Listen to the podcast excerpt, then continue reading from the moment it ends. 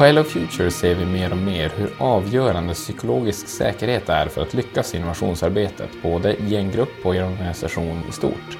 Men vad innebär egentligen psykologisk säkerhet och hur kan du underlätta för att den ska uppstå? Då är ni välkomna tillbaka till ett nytt avsnitt av Transformationspodden. Och eh, det här ska bli himla spännande tycker jag. Det här är ett ämne som vi, ja, vi har rört lite vid det här kultur och sådana här mer, ska vi säga, mjuka grejer i podden tidigare. Men det här blir, jag tror att det här var de första djupdykningarna i det, så det här ska bli superspännande. Och jag tycker att jag har fått superspännande kollegor med mig också att sitta och prata med här. Så att eh, Idag får ni lyssna på mig, Samuel, som ni säkert eh, känner igen om ni är trogna av podden. Och så har jag med mig Jenny. Hej Jenny! Hej! Och Per. Hej! Hejsan! Eh, ni har ju varit med i podden tidigare och sådär, men inte, inte liksom mega mycket. Kan inte ni bara säga, Jenny, någonting kort, liksom, vad, vem är du på Hello Future? Om man har lyssnat, du var ju nyligt med i insiktsavsnittet här som vi pratar om att lära känna målgruppen, du och Johan, men om man har missat det, vem är du? Ja, men precis. Ehm, jag är Jenny som är eh, designer och innovationsledare. Jag började eh, nu i höstas eh, på Hello Future har jobbat med lite andra organisationer eh, tidigare. Både suttit på en stor, inne på ett stort företag och eh, även som konsult. Mm. Mm. Så du har lite olika perspektiv med dig in i den här diskussionen. Precis. Och Per då, vad gör, vad gör du här på Hello Future? Ja, vad gör jag? Jag, eh, jag har skrivit att jag är innovationsledare nu då på LinkedIn. Mm. För att man behöver en titel. Men eh, vad gör jag? Jag tycker det är så otroligt svår fråga att svara på och det måste man ju ändå kunna göra. Men jag, det jag tycker är kul är, jag, har, jag är ju inte designer, alltså skolad designer som Jenny, men jag tycker att det är kul att lösa problem som inte har några perfekta lösningar. Och sen finns det olika delar av det som jag tycker är kul. Men en del är ju lite det vi ska prata om idag, alltså att här, hur får man människor som inte är vana att tänka och jobba på det sättet att producera ett resultat i till exempel en workshop.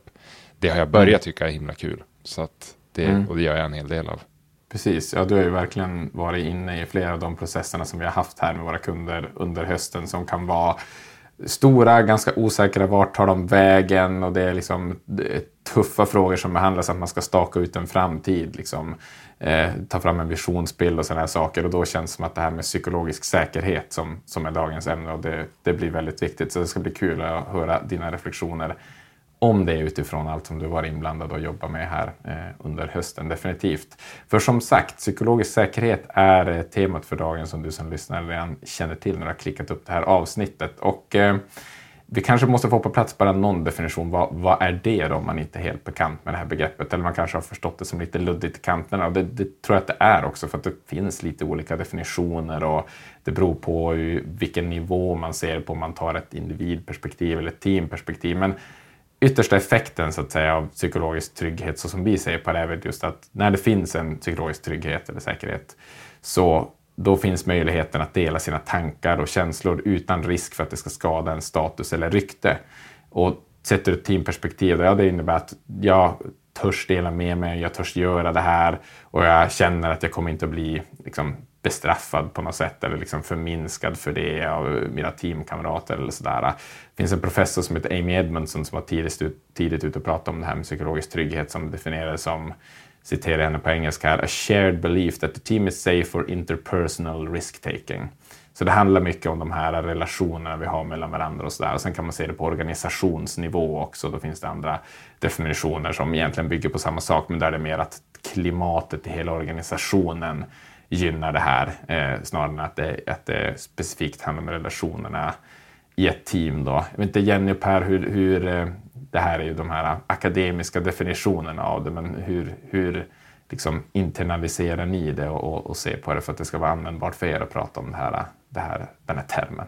Jag, eh, men det är väl så det är, men jag tänker också att man, eller jag brukar försöka tänka att eh, man är människa och att människor är djupt sociala, att vi har evolverat för att vara extremt bra på att läsa av varandra och att det finns någon sorts valuta hela tiden som vi tävlar om, som är status, ställning mm. i gruppen.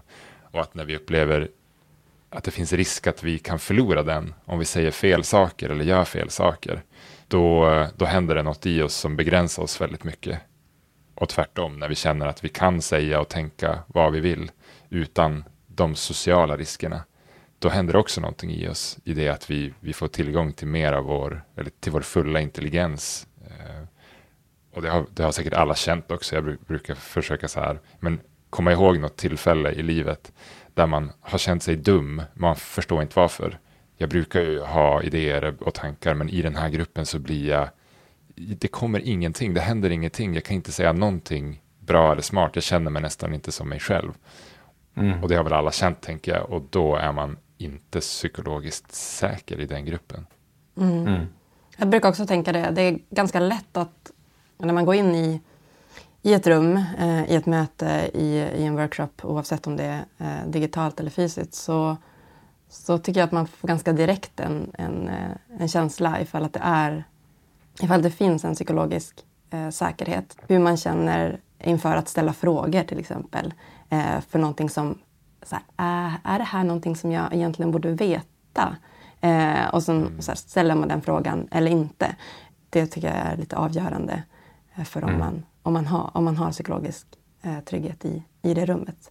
Ja, och det är ju, jag tycker att det är så spännande för att eh, ja, men det ni beskriver är de här personliga upplevelserna av det och det, det tror jag jättemånga kan känna sig igen, igen sig i.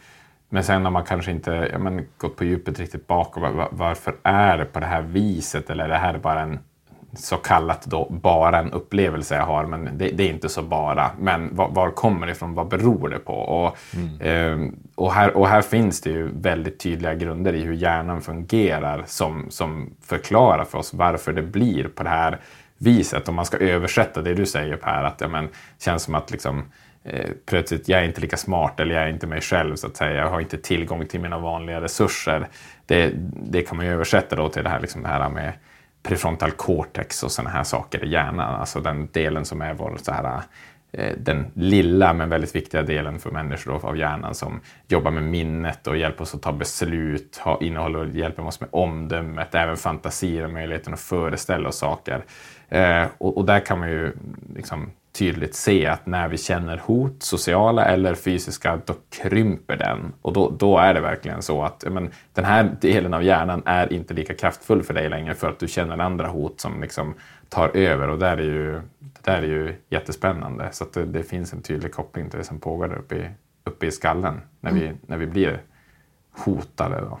Ja, jag tror att det kan vara viktigt att koppla sådana här eh, saker just till vetenskapliga studier. Eh, mm. Jag tror att det hjälper oss att respektera dem mer och ge dem den plats de behöver. För det är väldigt svårt, om inte omöjligt nu för tiden, att snacka bort vikten av psykologisk säkerhet. Precis, det finns ju forskning, jag lyfter in något här, det finns jättemycket. Alltså om, om du som lyssnar känner att oh, det här är jättespännande och så vill du googla på det här så att liksom, du kan bara googla research och eh, psychological safety, liksom, om man vill eh, få den eh, fulla bredden och hitta saker på engelska så finns det hur mycket som helst. Ja, kan, man kanske också ska, eller det kanske var dit du var på väg, men jag tänkte på David mm. Rock eh, föreläsningen, Google Talket, som finns på YouTube och som vi, vi mm. lyfte i vårt tionde nyhetsbrev, tror jag det var. Mm, den, precis. Den, Om man... För mig i alla fall var det grunden till att börja förstå och intressera mig för det här. Just det, ja, så det är en bra om, det inte, om inte det här kommande avsnittet som du har framför dig nu som lyssnare eh, väcker ditt intresse, då kan du fortsätta där. Och definitivt om man vill fördjupa sig i de här aspekterna kring hjärnan och sånt som jag just bara nämnde lite grann, då finns det jättebra resurser. Det Eh, jag tror att det heter, om man youtubar det så eh, heter det David Rock. Han pratar om your brain at work. Då kommer man hitta rätt klipp. Mm. Men det finns en, en, forskare som var tidigt ute på det här området vid University of North Carolina som heter Barbara Fredrickson. Och hon har forskat jättemycket kring det här och just hur positiva eh, känslor då, som, det vill säga de som kan gynnas när det finns en psykologisk eh, säkerhet Eh, som då tillit, nyfikenhet, eh, förtroende, ytterligare att man känner inspiration. Ja, det finns hur många positiva känslor som helst som hon kokar ner till det här att, att de gynnas av psykologisk säkerhet i alla fall. Så att det finns tydlig forskning som visar på alla de här eh, positiva sakerna som, som kommer av att, av att det finns psykologisk trygghet i, i ett team. Då. Så att det, det det är väldigt viktigt. Men om vi bortser från forskningen då och bara zoomar in på vår egen. Varför vill vi göra ett avsnitt här, om det här? Varför tycker vi att det här är så viktigt? Om, om vi börjar hos dig Jenny, varför tycker du liksom att det här är ett så viktigt tema att lyfta? Ja, men speciellt när vi jobbar eh, mot en, en, framtid som är väldigt oviss. Eh, vi vet inte vart... Eh, vi vet oftast inte vart vi är på väg. Vi vet oftast inte... Eh, vi jobbar i processer där vi inte vet vad resultatet blir. Eh, det finns väldigt mycket osäkerhet eh, kring det eh, arbetet. Eh, och då blir det så extra viktigt att man känner att det finns en trygghet och en säkerhet i, eh, i teamet som man jobbar med, i, på organisationen som man, som man jobbar med. Just för att frigöra den här eh, nyfikenheten som är så viktig och, och känslan av att känna sig trygg i eh, att vi ibland måste komma med galna eh, idéer och tankar för att komma oss framåt. Eh, och har man inte den möjligheten att göra det så, så kommer man sitta fast i mycket gamla sätt att göra saker på. Eh, så mm. det är väl den, den ovissa framtiden eh, och ovisshet som är så kopplat till, till oro. Oro och ovisshet går ju verkligen hand i hand. Eh, och mm. för, att, för att man inte bara ska vara orolig och eh, känna bara oro inför den här ovissa framtiden så behöver man ha en, en psykologisk trygghet och säkerhet eh, där, där man eh, jobbar och med människorna som man jobbar tillsammans med. Ja, nej, det är definitivt en, en tydlig, liksom det här man tänker, men, varför seglar det här upp som ett ämne? Ja, men det, jag tror att det myntades eller började forskas på mer fokuserat, men kanske inte på så bred front, då, någonstans på 90-talet. Så det är en ganska i förhållandevis ung term då, så att säga. Som, och sen har det tagit ett tag för att få kraft, men det känns som definitivt då det vi pratar om i den här podden, innovation, och kraven på det, har, som du är inne på, alltså just den här osäkerheten och utforskat, det är definitivt en sån sak som har gjort att, vänta nu här, det här är en väldigt, väldigt viktig komponent i, i sånt arbete, att, att den finns på plats helt enkelt. Mm, och det handlar ju väldigt mycket om att här, vi måste utmana eh, status quo och eh, våga uttrycka eh, olika eh, tankar som kanske inte har mm. fått komma upp tidigare.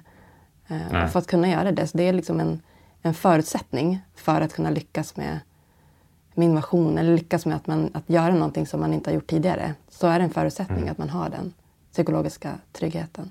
Ja, jag instämmer helt i det du säger. Och sen tycker jag man kan se det från lite olika perspektiv också. Om vi tar ett sådant begrepp som hållbarhet till exempel, som ju även innefattar social hållbarhet, så är det otroligt viktigt att människor får må bra över tid Eh, på sina arbetsplatser.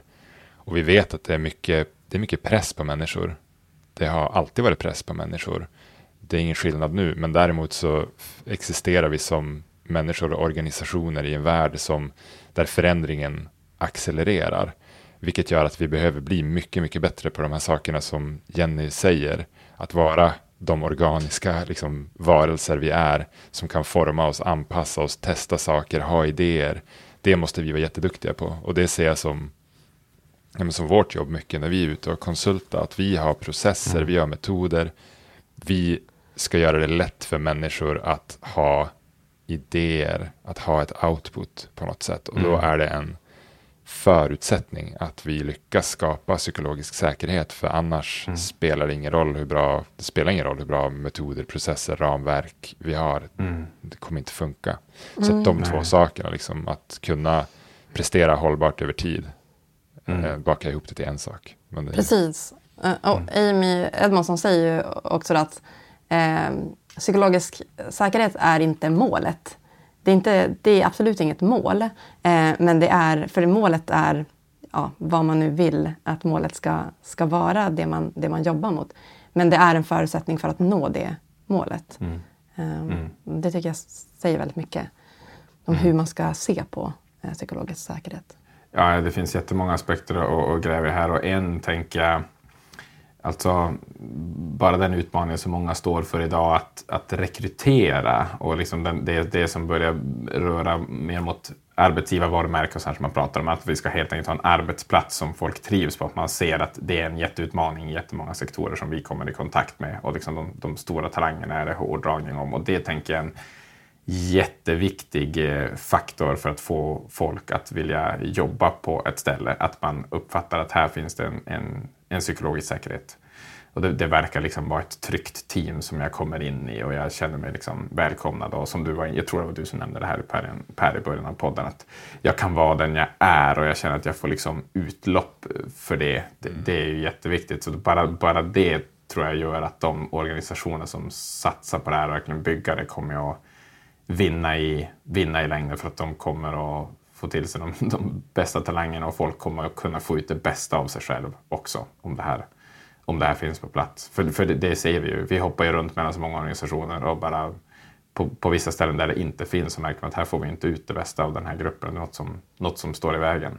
Mm. Ja, det är verkligen. Jag hoppas att kommande generationer är stenhårda på psykologisk säkerhet som, som krav för där man ska jobba. Jag vet inte, mm. det finns säkert studier på, på uh, effekterna av bristen på på eh, psykologisk säkerhet. Alltså det, det, är, det är så komplext, det är så många saker som går in i en arbetsplats som inte är bra. Där psykologisk säkerhet är en av dem.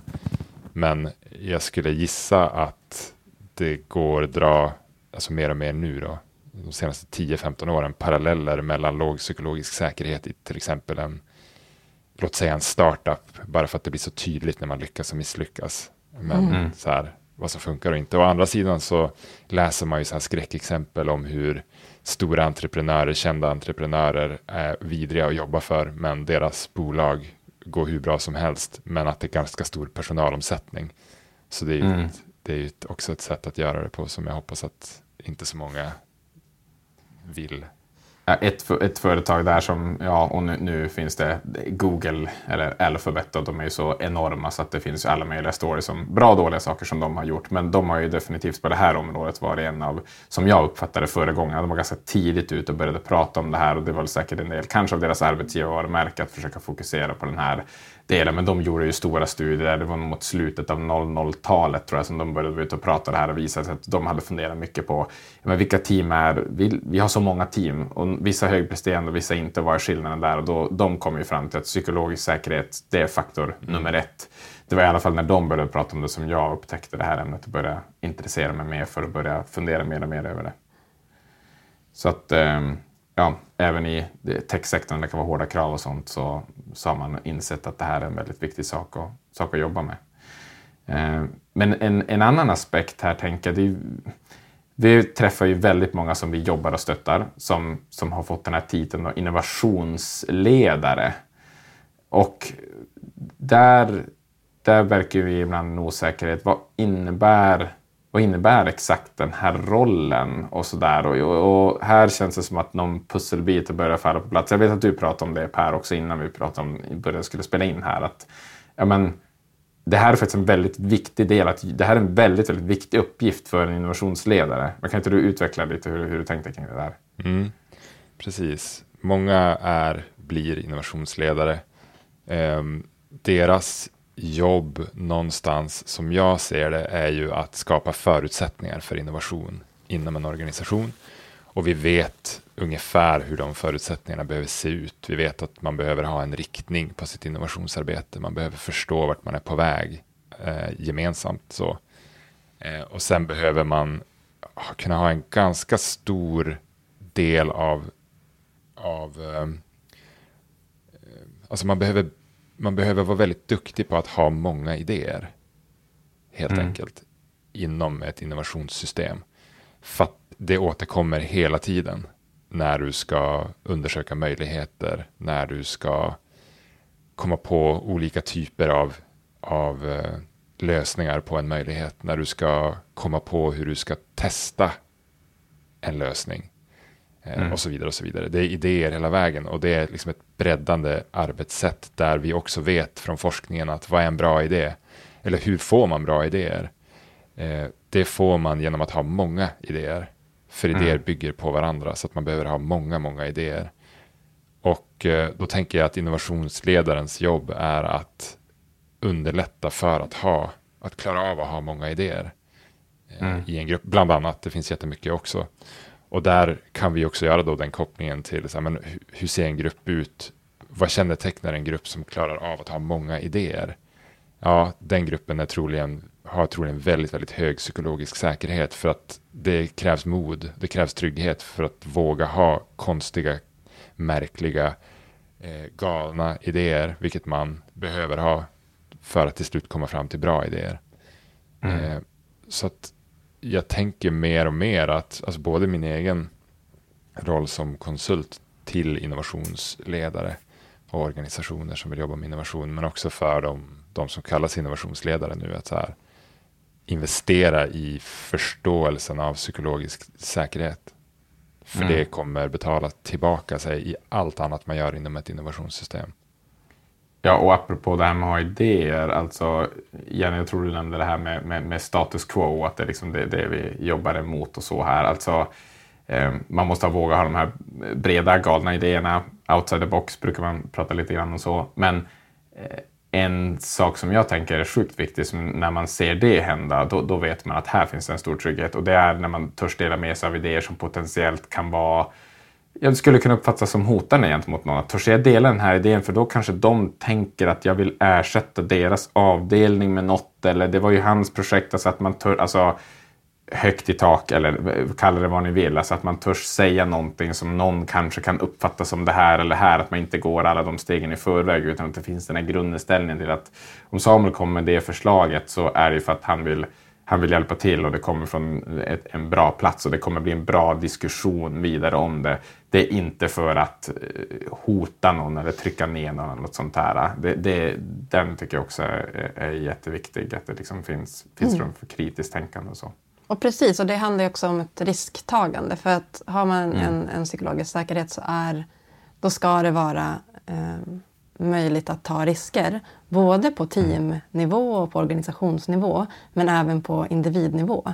Så här, riskerar jag någonting om jag uttrycker min, den här idén? Den kanske är lite, lite galen. Alltså, har jag någon, finns det en risk eh, för mig personligen? Kommer jag eh, inte få eh, den där löneförhandlingen eller kommer jag inte få den där eh, chefen att tycka om mig då? Eller sådana eh, eventuella bromsklossar som kan göra att man, man hämmar sig själv innan man har en, en idégenerering. Eh, det, det måste liksom bort mm. för, att, för att kunna nå den höjden. Eh. Ja, och det tänker jag att det har ju både, ja, men vi alla tre har ju sett skillnaden i, på en grupp som är psykologiskt säker och en grupp som inte är det. Alltså det är, mm.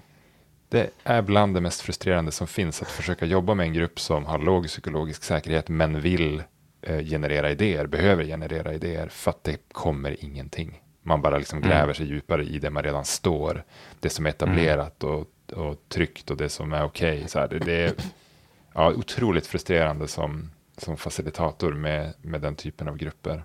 Ja, och, och, och det är ju om man, om man sitter som innovationsledare där ute eller, och, och, jobbar med det här och liksom testat på och sådär så då, då, då, tänker jag att det kan vara, kan vara tryggt att veta att vi, vi jobbar, vi hoppar ju mellan olika organisationer i olika fält, stora som små hela tiden och man kan sitta en förmiddag med en grupp någonstans och så sen på eftermiddagen med en annan grupp och i princip använda samma metodik eller liksom, nu råkar det sammanfalla sig så att nu är det som lite samma moment i båda de här projekten och så gör man ungefär samma sak. Vi, vi designar det utifrån gruppen givetvis och sådär men det, det, är i grunden någon typ av samma metodik. Man försöker använda samma pedagogik och så här. Och så märker man bara hur det faller platt på ena och på det andra stället. Och, och som du säger Per, då är det ofta de här typerna av saker man kommer ner till. Men man kan ju bli osäker på sig själv och börja fundera, vänta, det här, mm. vad, vad är det jag som gör något fel här? det, eller det vad, så? har det varit i mitt fall i alla fall. Det har varit mm. jag som har gjort fel. För att jag har inte respekterat det här tillräckligt mycket tidigare. Mm. Eh, och jag menar, det är mitt jobb att skapa den psykologiska tryggheten. Sen går inte alltid det. Alltså det kan finnas mm. saker i bakgrunden eh, och det, så är det. Men man kan mm. oftast lyfta en grupp lite grann i alla fall. Tillräckligt mycket för att det ska bli någonting så. Men jag mm. har inte alls, jag har inte det, det, tog ganska länge i min eh, yrkesbana liksom, innan jag stötte på det här och särskilt liksom att okej, okay, nu vet jag att det här är viktigt, men hur gör man då i rummet? Alltså mm. vad, vad behöver hända? Mm. Men sen det, vet, ja förlåt. Nej men det blir, eh, nej men fortsätt. Kör. Jag skulle bara säga att sen det hände har det ju varit som dag och natt. Jag har gått från att inte alltså facilitering har känts som ett nödvändigt ont, för jag vill vara med i de här projekten och, och sådär, men det har varit alltid med lite lite så här klump i magen som jag har, har faciliterat både digitalt och fysiskt för att jag har inte gillat det. Jag har inte riktigt förstått min roll tror jag i det. Men det blev så tydligt när, jag menar, när den här insikten sjönk in att okej, okay, du jobbar med människor och din, din, framförallt det som är din roll är att få dem att känna sig trygga så att de får vara så fantastiska som de är, som alla är. Och sen dess har det blivit så mycket mer meningsfullt och kul. Ja, precis. Ja, jag håller helt med. Och jag tror att man, man ibland underskattar behovet av att säk säkra rummet liksom, ja. innan man börjar. Eh, och det finns ju eh, massa bra exempel på, att, på hur man kan göra det. Eh, men jag tycker ändå att det är, lite som, som du Samuel åter till den att ja, men ena för, förmiddagen kan man ha en, en bra workshop och nästa eh, på eftermiddagen kan eh, slå den helt fel. Så att, eh, jag, jag ordnade en, en enorm workshop för, för några år sedan eh, för ett stort internationellt bolag med flera, eh, där flera länder från den liksom, nordiska länder var eh, Ehm, deltagare. Eh, och vi ehm, delade upp eh, grupper. Så, så svenskar var för sig, danskar var för sig, eh, Estland var för sig och så vidare. Och eh, hade i början av workshopen eh, vi hade tydliga liksom, regler för workshopen för att, för att säkra eh, rummet och bygga den här tryggheten. Och alla fick liksom samma förutsättningar. Men resultatet blev ändå helt skilt. Eh, och hur deltagarna lyckades att, eh, hur de lyckades att genomföra uppgiften blev också totalt eh, skilt eh, utifrån eh, de olika grupperna. Mm. Och, det, och jag har tänkt väldigt mycket på det, så här, vad var det som berodde på det? Och visst, det kan ju vara eh, den, de enskilda faciliterarnas upp, liksom hur de skötte uppgiften, absolut. Men jag tror det är någonting annat. Jag tror att det var någonting djupt i kulturen eh, i vissa eh, team från, från vissa länder där de inte hade den trygg, tryggheten, där de inte hade den psykologiska säkerheten som en grundsäkerhet som de behövde. Så att en, en workshop kunde liksom inte förändra det, eh, för det satt så mm. djupt i dem. Eh, och det, ehm, det tänker jag också att man, man behöver liksom förhålla sig till. Eh, att man, man kan göra vissa moment på en i, i workshop och där händer det väldigt mycket i, i, i varje möte man är i. Eh, men man kanske också behöver titta på att jobba strukturerat med det eh, utanför och liksom inom en hel organisation. Mm. Det är så himla mm. intressant. Hur gör man då? För jag tänker att det där det du beskriver är ju kanske, om jag får gissa då, där man har svårare att komma fram till ett, ett resultat. Det, ju, ju, mer hierarkisk man är, ju mer mm. liksom, eh, en enskild eller en grupp med, med så här högavlönade chefer bestämmer helt enkelt. Mm. Och jag menar det är ju 100 procent i en sån situation så sitter folk och tänker inte så här vad har jag inom mig? Vad kan jag komma på? Hur många idéer mm. kan jag få? Utan så här vad tror jag att den här gruppen kommer tycka är en bra idé? Och det är också mm. ett sånt här tecken tycker jag på den psykologiska säkerheten är man behöver inte nödvändigtvis känna sig hotad men det handlar väldigt mycket om att second guessa vad någon annan kommer att uppskatta. Och, och det backar man då, liksom, så här, varför är det så? Jo, det är för att ni spelar ett socialt spel här och det är det som är, det är det vi alltid gör, vi spelar alltid sociala spel. Och mm. Man måste så här, vara, vara noggrann med att förstå, tror jag som facilitator, vad är det för spel som spelas här? Mm. För att kunna, men sen vet jag inte, hur gör man Jenny då? Det känns svårt om man får en grupp där de är så superhierarkiska att att vända att folk sitter och tänker så? Mm. Eh, bra fråga. Eh, men jag tänker så här som... Eh, jag, alltså mycket måste ju också hamna hos eh, ledare. Mm, ja, men verkligen i, i, när man har möjlighet. För jag tror att det är just liksom, hierarkier kan, kan verkligen skjuta ner hela psykologiska eh, tryggheten. Eh, och har man ledare som som vågar eh, bara, bara öppna upp för frågor. Så här, ja, men har, eh, vad, vad tänker ni? Vad har, så här, bara att man öppnar upp för frågor gör ju möjlighet att, eh, att man har eh, att det läggs en grund att så här, okay, det är okej okay att faktiskt svara på, det är okej okay att komma mm. med eh, sina åsikter och sina tankar. Mm. Ehm, mm. Och att man man också är tydlig med att ingen har ju varit där vi är just nu. Vi vet inte vart vi ska. Vi, vi, vi kan inte veta vad som kommer att hända och det är okej okay att ha den eh, mindsetet och sprida ut det också till, som mm. ledare, att säga det. Det tänker jag är jätteviktigt. Ja, alltså. Vi brukar ju en, en eh, eller två intressanta grejer som jag nu när jag tänker på det eh, som vi brukar göra är dels att försöka gömma den sociala strukturen i en workshop. Alltså man kan till exempel göra så att, så att folk får generera idéer anonymt. Så att man vet aldrig vem som har haft en viss idé, vilket gör att folk säger okej, okay, nu kan jag varken vinna eller förlora socialt på det här. Mm. Eh, så då är man lite friare. Men sen också Samuel, det vi gjorde tillsammans på en, i början av en workshop ganska nyligen, att vi, vi tänkte så här, okej, okay, det är viktigt nu att vi skapar en känsla här i den här gruppen av att så här, ingen är bättre än någon annan. Det finns inga experter. Vi är alla ganska okun, ovetande när det, när det kommer till vart världen är på väg. Så vi lät mm. dem göra en, eh, att spela ett litet spel tillsammans eh, mm. från gapminder.org som heter Worldview Upgrader. Och där mm. fick de, eh, man får ett antal frågor som är supersvåra och det blir väldigt tydligt att så här, även om man sitter tio pers i ett lag och verkligen gör sitt bästa, breda erfarenheter, så har man oftast fel på de här frågorna. Och inte bara lite heller, du kan ha fel på så här miljarder människor. Eh, mm. Och det, det har jag känt så här, kul, bra uppvärmning, men också ett sätt för dem att så här, få ha lite fel tillsammans och känna att gud, vad svårt det är med världen. Nu kanske mm. vi kan hjälpas åt istället. Ja, verkligen. Det, det tycker jag vår, vår bedömning av i den situationen var i alla fall att det kändes som att det, det, det funkade väl och lite sänkta axlar och sånt där. Så det, det tycker jag är en, en jättebra, bara som en liten nugget som man kan ta med sig och översätta till sin egen verksamhet. Det, så att det, jag tror att många har kanske stött på, jag tror att man kan ha stött på när det här kanske har gjorts lite fel också. Eller, alltså, jag har i alla fall suttit i mm. situationer mm. där det känns som att någon har läst något sånt här typ av tips. Ja, ni vet, såna olika check-ins. Eller nu ska vi komma ihop som grupp eller någonting sånt här. Och så har man kanske inte riktigt landat i exakt varför gör vi det här eller det kontextualiseras på ett konstigt sätt som gör att det blir bara ännu mer armarna i kors. Så att det är väl en, eh, en fara som man kan flagga för. Så det, det, är inte lätt, det är inte bara att ta följ den här mallen. Mm.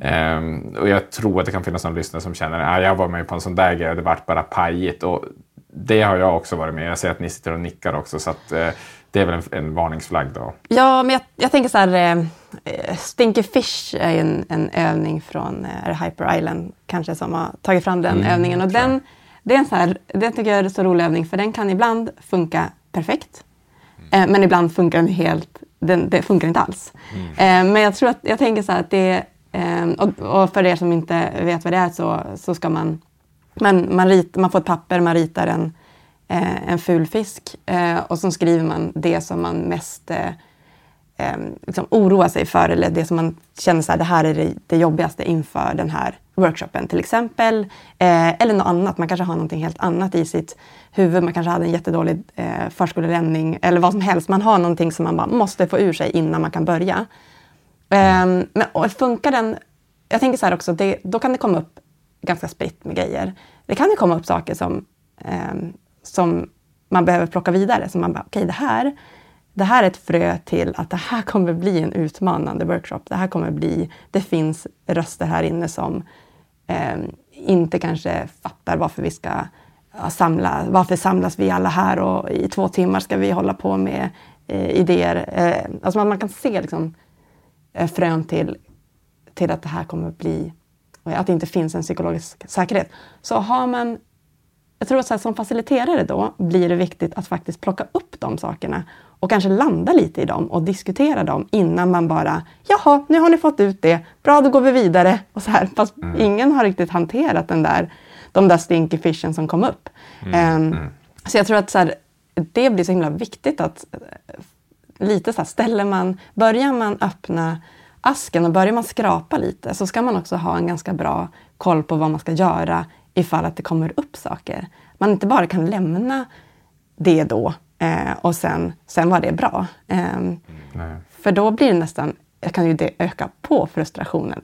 Så mm. Okej, okay, jag kom med den här ja. oron inför att den här workshopen ligger liksom helt fel i tiden, den ligger, den är, eh, det är konstigt eh, inbjudna människor. Alltså, och sen hanterar man inte den, då blir det ju en jättedålig start. Mm.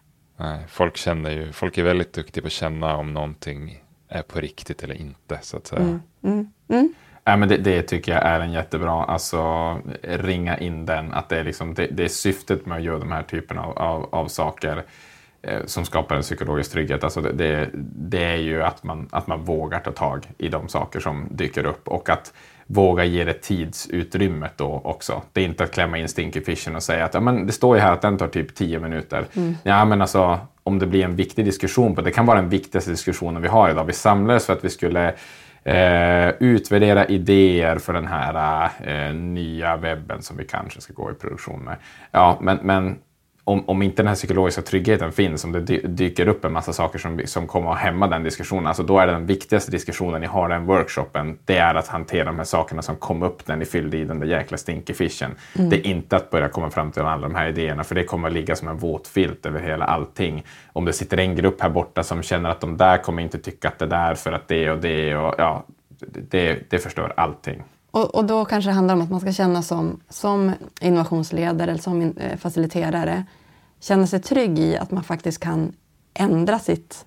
Okej, okay, vi tänkte göra så här, men vi ska göra något helt eh, annorlunda för, mm. på grund av hur det kom upp. Eh, mm. ja. Så att våga liksom ändra sig.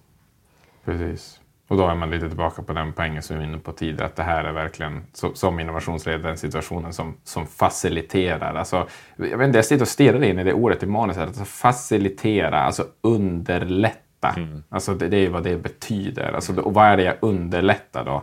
Ja, det är ju underlätta den här gruppens arbete. Och det, det är så lätt att fastna i att det är andra saker som är min huvudutgift, men det är ju det. Och om det kommer upp saker som jag måste hantera för att det ska underlätta, då, då är det min huvudfokus som facilitator, alltså un, underlättare av den här processen. Mm. Jag kommer att tänka på en fråga till er. Eh, säg att man har träffat en grupp för första gången och sen har man lyckats då etablera en, en psykologisk trygghet i rummet, man gör en bra workshop. Så ses man nästa vecka med samma grupp. Vad, vad, gör ni då? Behöver man börja om från början och etablera den igen? Stämmer ni av lite att ni fortfarande är på en bra plats eller kör ni bara på i förvissningen om att så här, men nu är den här gruppen trygg? Så bra fråga. Eh, och jag tror att, som jag sa tidigare, jag tror att jag, jag underskattar ofta behovet av att göra det. Men nu när du säger det så, så tänker jag att nästa gång så vill man kanske plocka upp så här från tidigare. Eh, man vill också så här, ge dem lite självkänslan eller så här, självförtroendet. Så här, vi, vi, har, vi gör det här. Det här teamet eh, gör det här bra. Ni gör det här tillsammans. Mm. Men sen är det också i inför varje, varje workshop eftersom att man ofta i, i sådana um, så design thinking workshops handlar om att vi måste släppa, släppa taget om, um, om hur det är i, i, i nuet uh, och vi börjar, måste börja blicka framåt så måste man göra man måste ju hamna i en psykologisk trygghet varje gång uh, man gör det. Mm. Uh, men det kanske inte behöver läggas lika stor vikt på det eh, om man har eh, arbetat upp den tryggheten. Men jag tycker det är en jätte, jättebra fråga. Jag tror att jag eh, personligen känner jag också att jag behöver bli mycket bättre på att eh, bygga vidare på, på det. Ja, för jag tänker att man vet inte vad som händer mellan workshopsen. Det kan ju, det kan ju verkligen vara så att någon eh, stark person har känt sig lite åsidosatt från sin vanliga roll. Och så utövar man lite makt mellan workshopsen. Mm. Skjuter ner mm. några idéer, höjer upp några andra. Det vet ju inte vi.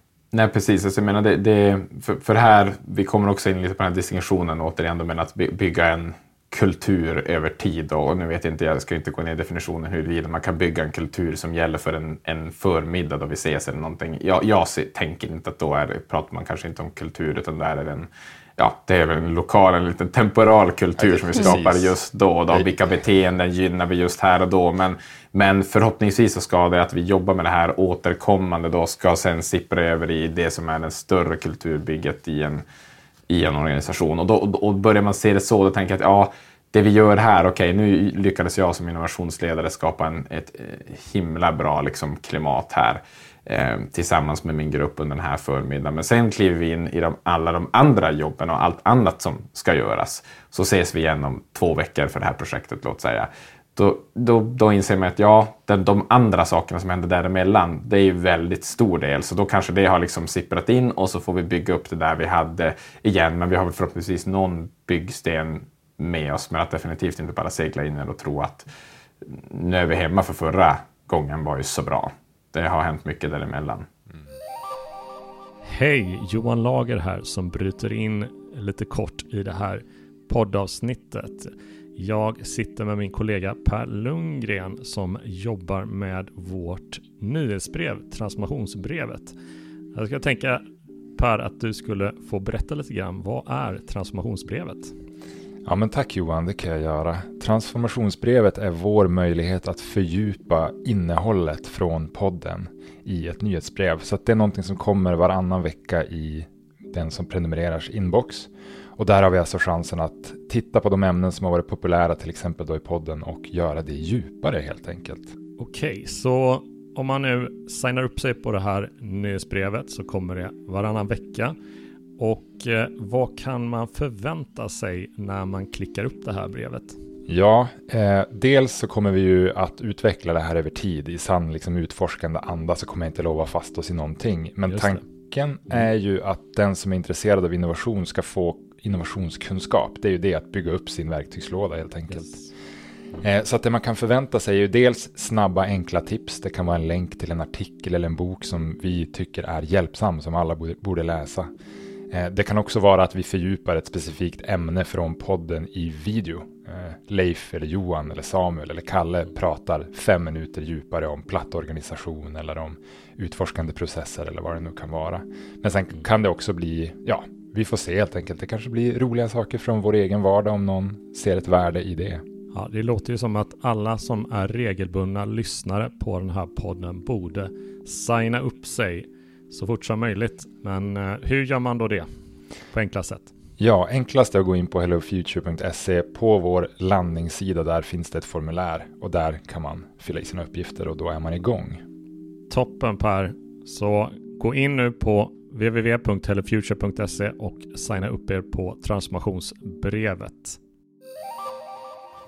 Jag tycker det är så spännande. Det, har vi fler sådana här äh, exempel som vi kan lyfta? Eller sådär? Äh, Jenny, jag vet att du var ju som en burk som ville brista av massor av olika stories som en sån här psykologisk ja. trygghet man lyckas inte. Jag tycker det är så göttigt att, att, att djupdyka i de här Ja, grejerna. jag tänker mer om man tittar på liksom hur eh, psykologisk trygghet i hur det ligger liksom som en blöt, eh, om det inte finns, som det ligger som en blöt filt eh, över hela mm. organisationen. För att, ja, eh, en gång så, så eh, när jag slutade på ett eh, jobb så hade jag ett så avslutningssamtal med, med kontorschefen. Jag vet att det är många som, som gör sånt. Ehm, och jag var jätteöppen med att här, tycka både negativt och positivt. Jag, jag sa vad jag, vad jag tänkte och tyckte och eh, var, var verkligen öppen. Hade inget filter eh, med det.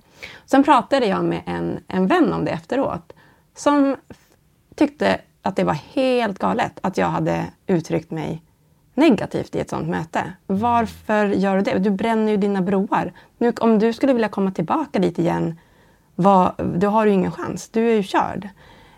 Um, och först tänkte jag så här, ja men det är nog för att jag, vi är nog väldigt olika i hur vi, eh, hur vi, eh, eh hur vi gör. Men sen när jag började mm. tänka på det lite mer så, så förstår jag att så här, nej, alltså jag kände nog att jag hade på eh, det stället jag jobbade fanns det en psykologisk trygghet. Jag hade det utrymmet att kunna uttrycka mig både om vad som funkade och vad som inte funkade eh, och kände inte att jag riskade min egen, eh, mig själv i det. Eh, utan jag gjorde mm. det för att jag, eh, även om man eh, hade slutat så ville jag liksom ändå det bästa för det för det företaget.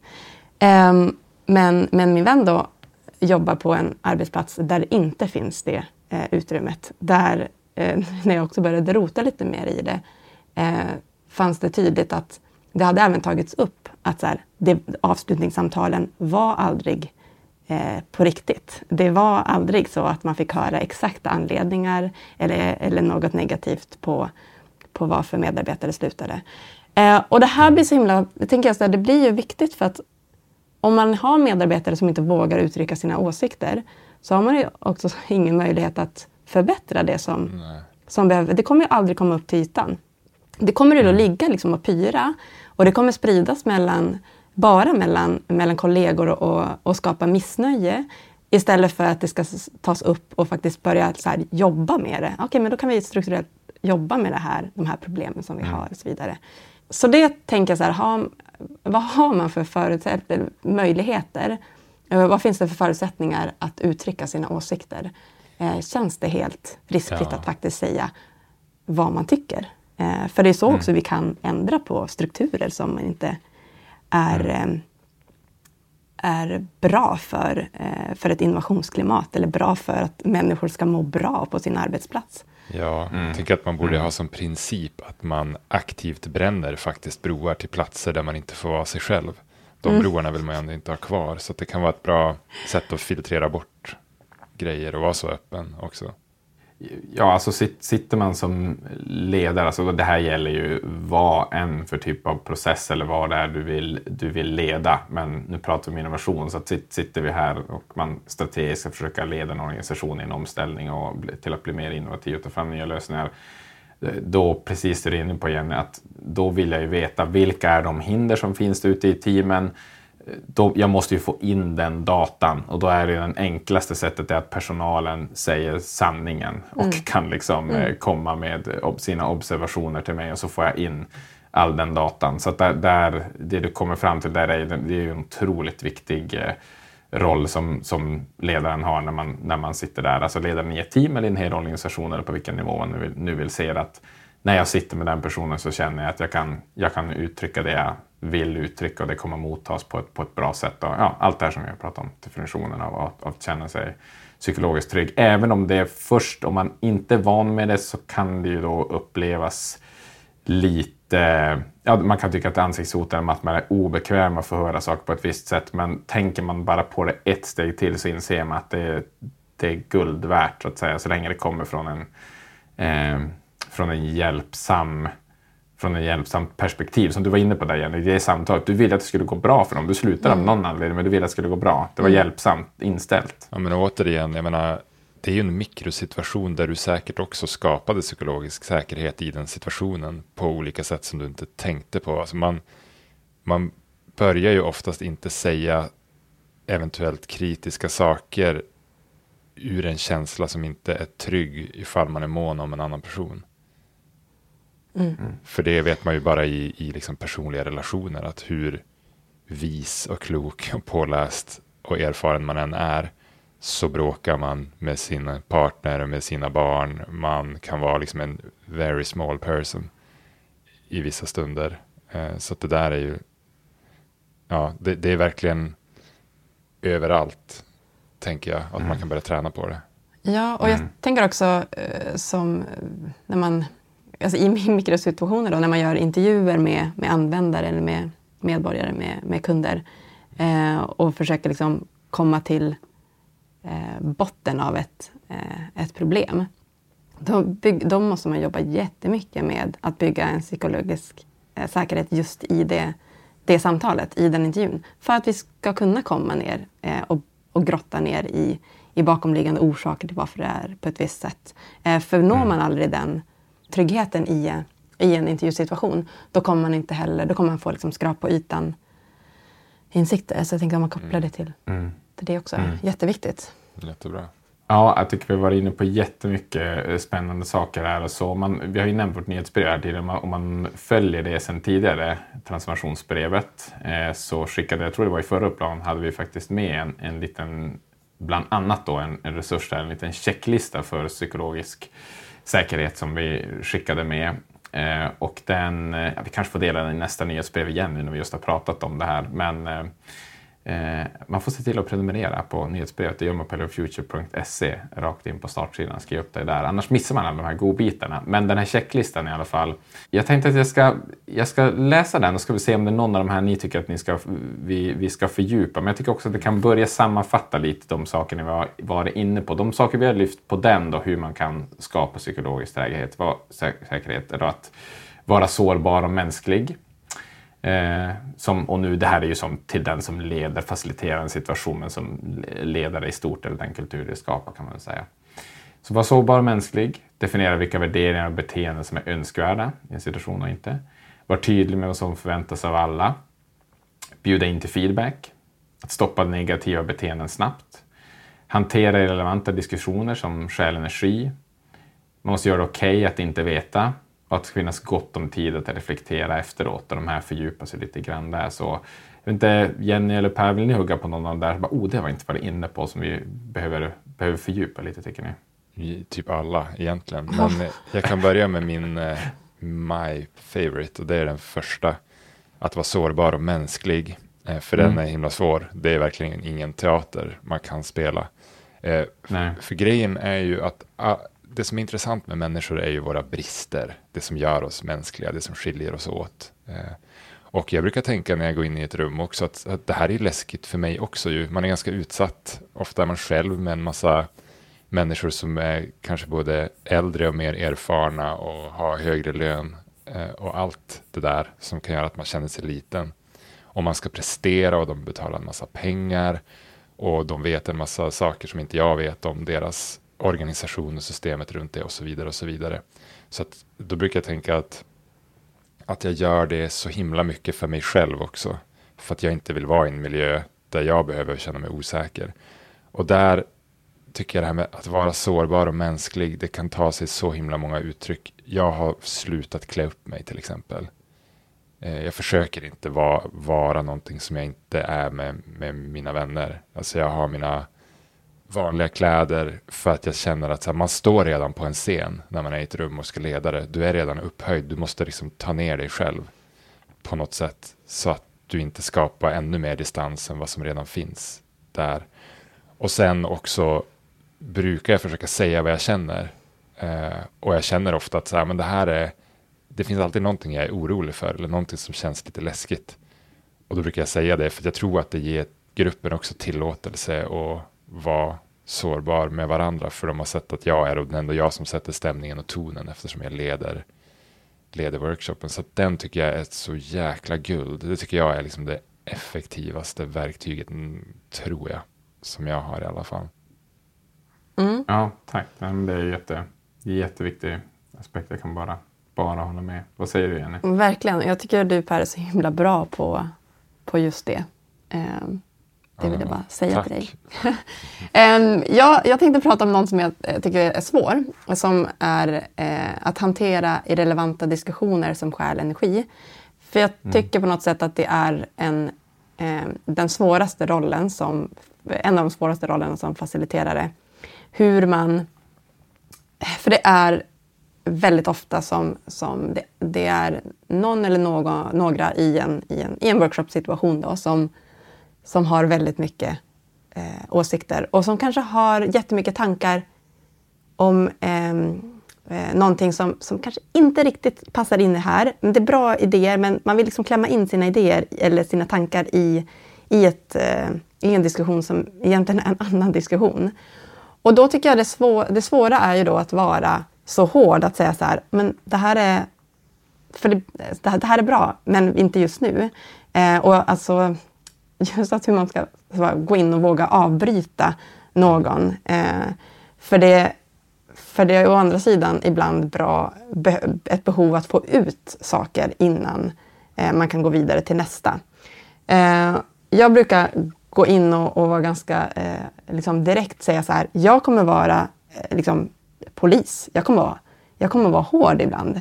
Eh, och säga det redan från start, för då är det lite mer okej. Okay, nu kommer polisen här, nu kommer den här hårda eh, Jenny och säger till er att ni måste så här, prata om det här någon annan gång.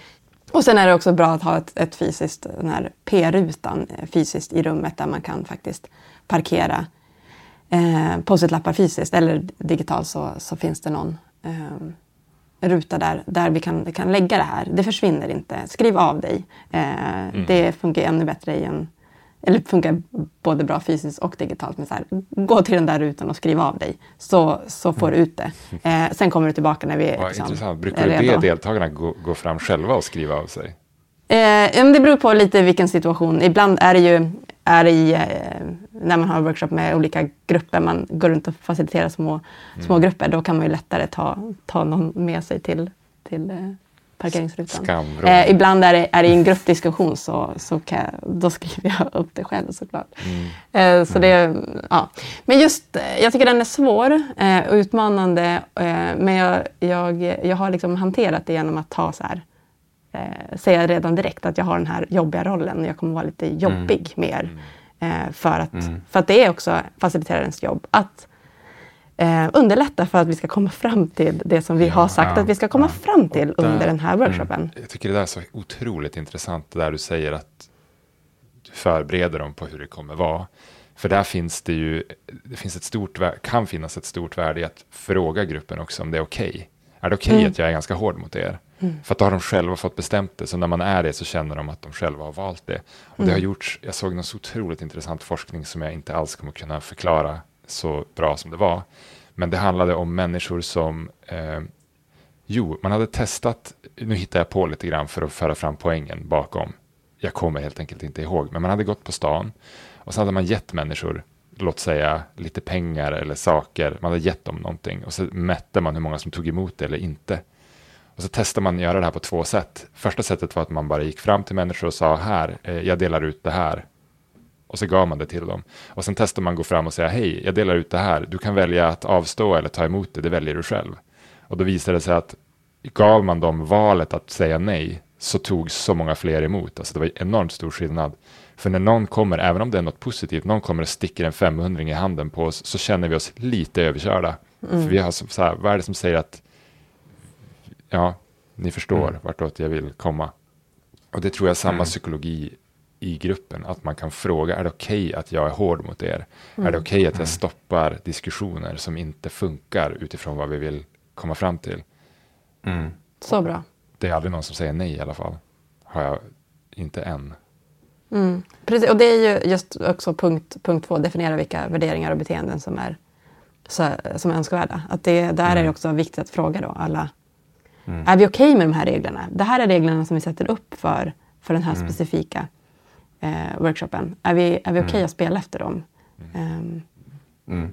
Nej, men alltså, precis, det är mycket av det som, som vi pratar om här, alltså liksom så här att man ska hantera irrelevanta diskussioner eller liksom definiera vad som är önskvärt. Och då, då är det ju alltid givet vad är syftet som, som vi är här för, så att säga. För nu, alltså jag tänker att de, många av de situationerna som vi pratar om nu är ju ofta workshops där vi måste få vara lite divergenta, så att det måste komma ut mycket, det ska vara öppet, vi ska bredda och liksom vi ska sådana här saker. Och det är ju ett typ av syfte, men sen ibland kan det vara att man ska, nu ska vi koka ner, vi ska smalna av och så här och då behöver man kanske ha lite hårdare ramar för att nu är det mer att vi måste sålla bort och bestämma oss, vi ska inte bredda oss och så där. Det kan vara ett annat typ av syfte och då kommer det vara lite andra beteenden som behövs för att lyckas lösa det. Då. Så att det, det är alltid gentemot det, när jag sitter och tittar på det så tänker jag just det att ja, men det är väl när man har lyckats etablera tidigt att alla känner att de är där för samma syfte.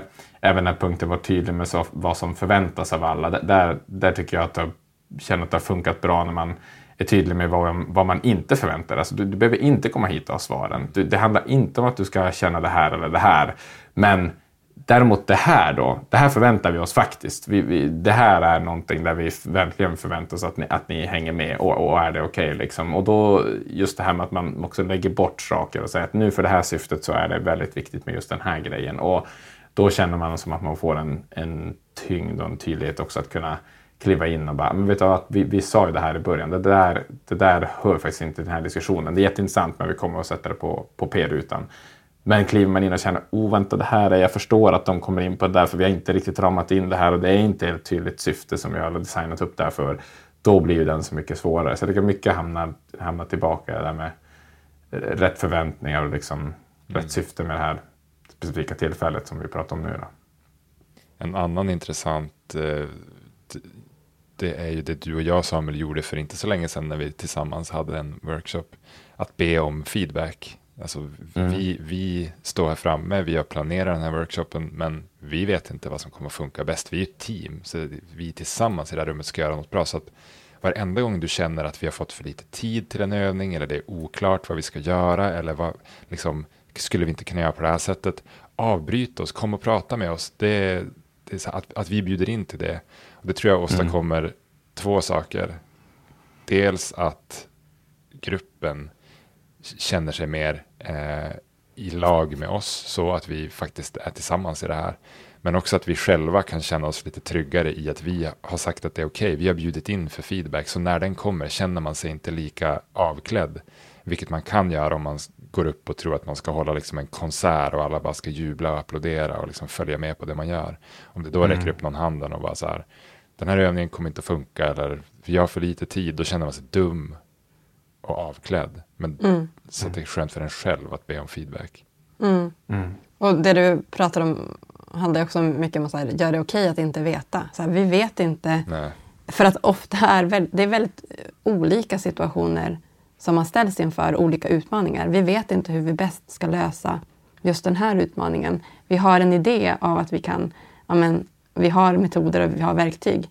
Eh, men vi vet inte alltid exakt att den, just den här metoden eller just det här verktyget kommer eh, att vara till hjälp för oss nu. Vi kanske måste plocka upp något annat. Mm. Eh, så den, eh, den tycker jag är jätteviktig. Ja, alltså att eh, ja, mycket, mycket det jag vill känna att jag vill flagga här också, liksom trycka på är då att eh, det, jag säger också att det, det, finns ju en risk om man tar det här om man gör till exempel att be om feedback och så, och så följer man inte upp på det. Alltså att man, man mm. säger de här sakerna. Och då är vi tillbaka på den här stinky fishen lite grann. Att mm. du, du, ja men okej, okay, vänta, här är min punktlista på saker jag ska säga. Det är jättevälkommet med feedback och så här. Men, men det är ju en, ett milstort gap mellan att bara säga det och så sen att när du då får chansen att följa upp på det, att det verkligen det landar för det första, att det känns som att det är så.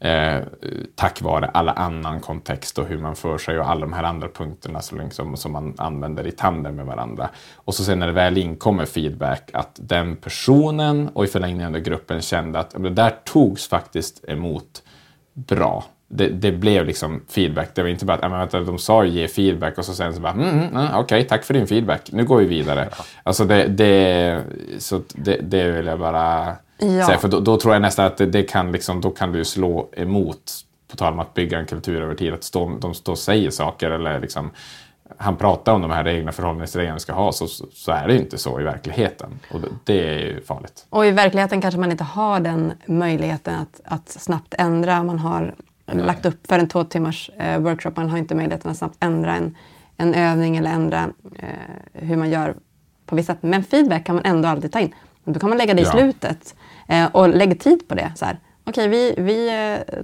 tar sista 10 minuterna, 15 minuterna för att bara utvärdera hur, eh, vad, vad ska vi göra mer av? Eh, vad ska vi sluta göra till nästa workshop? Eh, vad funkade bra? Vad funkade mindre bra?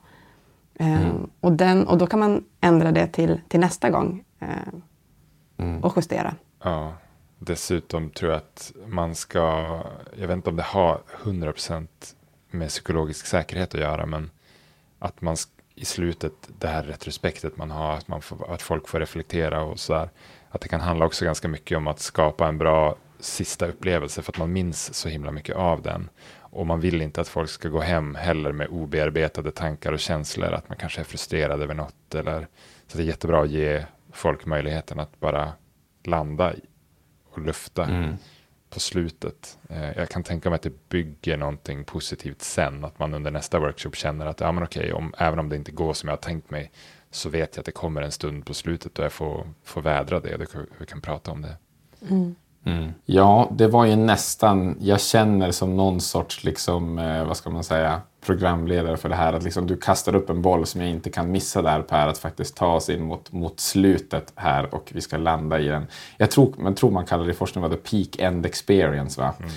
Så, så då, då, ska, då ska jag lämna här nu till Jenny eller Per och liksom att säga det absolut bästa så att folk lämnas med podden här på ett, på ett uh, peak end experience-vis. Då. Uh, förhoppningsvis har man en helhetsupplevelse som, som varit som har varit positiv. Men eh, en, en sak man kan göra, som vi ville landa i lite grann här, är att det finns ett... Eh, vi har ju nämnt eh, Amy Edmondson här som har varit lite eh, eh, föregångare forskare på det här området.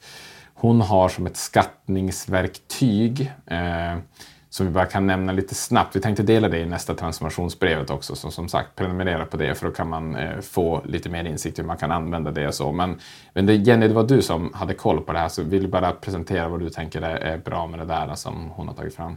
Eh, ja, precis. Eh, utan att behöva gå in kanske till, till hela hur, hur det är uppbyggt. Men det är, det är sju stycken frågor, som man, eller påståenden, som man kan skatta. Eh, och utifrån det så kan man se då hur eh, väl psykolog, hur mycket psykologisk trygghet och säkerhet man har.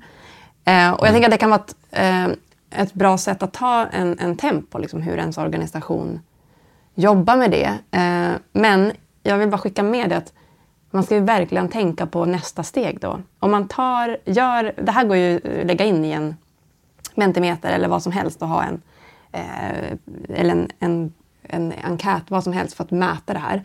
Men vad gör man om man hittar eh, starka indikationer på att man inte har den eh, psykologiska tryggheten? Eh, och hur skapar man eh, också förutsättningar för att människor ska kunna faktiskt skatta det här på, på ärligt vis? Att man också liksom bygger den säkerheten och tryggheten i att kunna göra skattningen. Eh, så det tycker jag att man ska ha en, en bra plan för. Eh, vad man gör för att ta vara på det här resultatet. Eh, är, det, är det ett negativt resultat, alltså att visa på att man inte har så mycket psykologisk säkerhet, så behöver man ha en, en plan och, och förmedla den planen ut i organisationen och säga att mm. okej, okay, har vi det här så, så kommer vi att göra de här åtgärderna. Det tänker mm. jag man ska ha med sig i alla fall.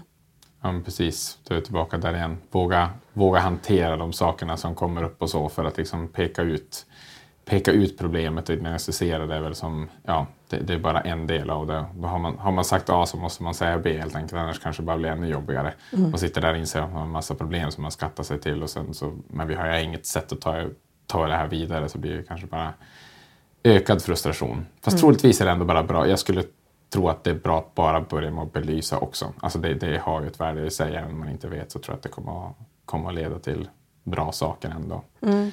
Down the line, att man börjar med att belysa de här grejerna. Så man kanske får verktyg att göra när man har hört den här diskussionen också börjar förhoppningsvis reflektera mer kring det här ämnet. Eh, det känns som att vi också kommer att fortsätta reflektera kring det här internt på Hello Future, inte minst just för att ja, men, ja, under åren, vi har ju verkligen sett mer och mer kraften i det här. Och som sagt skillnaden när man hoppar mellan organisationer och ser var, var är egentligen skillnaden sitter. Så att jag vet i alla fall för egen del, man känner så här, vad är man sugen på att läsa mer i, grotta mer i, prata mer med er om, så känner man att ja, det blir mer och mer de här sakerna som känns viktiga nu när man tittar på ur innovationssystemsperspektivet. Den här, den här mjukvaran som får det att gå, kulturen och hur vi beter oss, den är så sanslöst viktig. Jag tycker det är det som är det fina, ju mer man gräver desto mer kommer man tillbaka till människan. Mm. Mm, så är det verkligen. Och det tycker jag vi låter vara slutordet i det här avsnittet, men definitivt inte det sista vi pratar om psykologisk trygghet och kultur i stort. Definitivt inte. Eh, följ som sagt transformationsbrevet. Gå in på hellofuture.se och så har du en ruta där direkt för att fylla i din mail och prenumerera så kommer det i nästa upplaga som kommer nästa vecka. Då kommer vi att följa upp lite det här och kommer få det skattningsverktyget och lite andra godisresurser.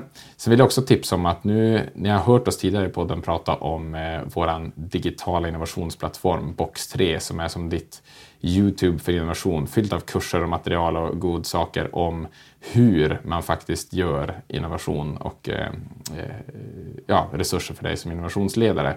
Vi kör just nu betan av det här verktyget som vi har pratat om tidigare och om man går in på box3.academy så kan man nu ställa sig i väntelistan.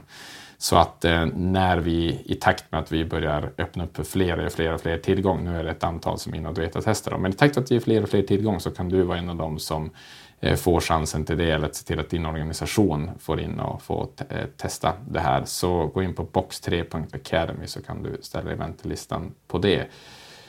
Så det var de sista pluggarna. Då återstår bara för mig att tacka er Per och Jenny. Jag tycker att det var ett jättespännande samtal här. Nu vill jag egentligen bara prata mer, men någonstans måste podden sluta. Och så får vi ta det med när vi har, mm. när vi har lagt på luren så att säga för poddlyssnarna. Mm. Tack så mycket hörni. Tack Tack så mycket. Och eh, stort tack till dig som har lyssnat. Eh, tipsa en kollega som du tror kanske skulle ha nytta av det här samtalet och podden i stort och så hörs vi i framtida avsnitt av Transformationspodden. Hej då allihopa!